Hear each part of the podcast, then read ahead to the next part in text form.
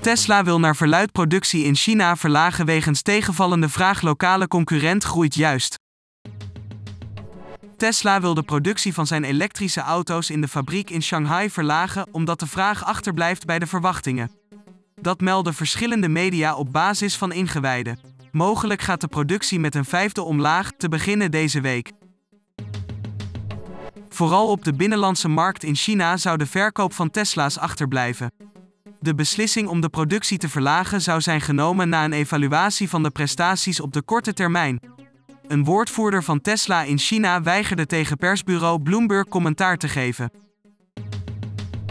Het zou voor het eerst zijn dat de productie van Tesla in de Chinese fabriek vrijwillig wordt verlaagd. Eerder zorgden coronamaatregelen en tekorten aan onderdelen er al wel voor dat in de productie werd gesneden. De capaciteit in de fabriek werd eerder verdubbeld, zodat op jaarbasis zo'n 1 miljoen auto's van de band konden rollen. Eerder waren er al berichten over prijsverlagingen, kortere leveringstijden en andere prikkels om de verkopen aan te jagen, wat te denken gaf over de vraag naar de auto's. Het aantal afgeleverde auto's door de Tesla-fabriek in Shanghai zakte in oktober al wat na een recordaantal een maand eerder. Tesla heeft in toenemende mate te maken met concurrentie van lokale automakers in China, met name de bedrijven Beatco en Guangzhou Automobile Group zullen Elon Musk, CEO van Tesla, slapeloze nachten bezorgen. Beat boekte in november voor de negende maand op rij een recordverkoop. Het bedrijf leverde 230.000 auto's, waarvan bijna 114.000 volledig elektrische auto's. Ondertussen staat de betrouwbaarheid van Tesla ter discussie na een tweetal terugroepacties afgelopen maand.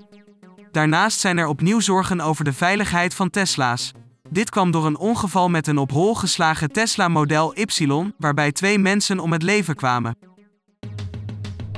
Tesla is in staat op maandelijks 85.000 elektrische auto's van de band te laten rollen in Shanghai, dat zei directeur Yunheng Lai van aandelenonderzoeksbureau jongsleden Warren Capital LLC eind november, al dus Bloomberg. Zonder het doen van meer promoties zal het aantal nieuwe bestellingen op de binnenlandse markt in december waarschijnlijk normaliseren tot 25.000. Volgens Lai kan de export kan de terugvallende vraag uit China niet volledig opvangen.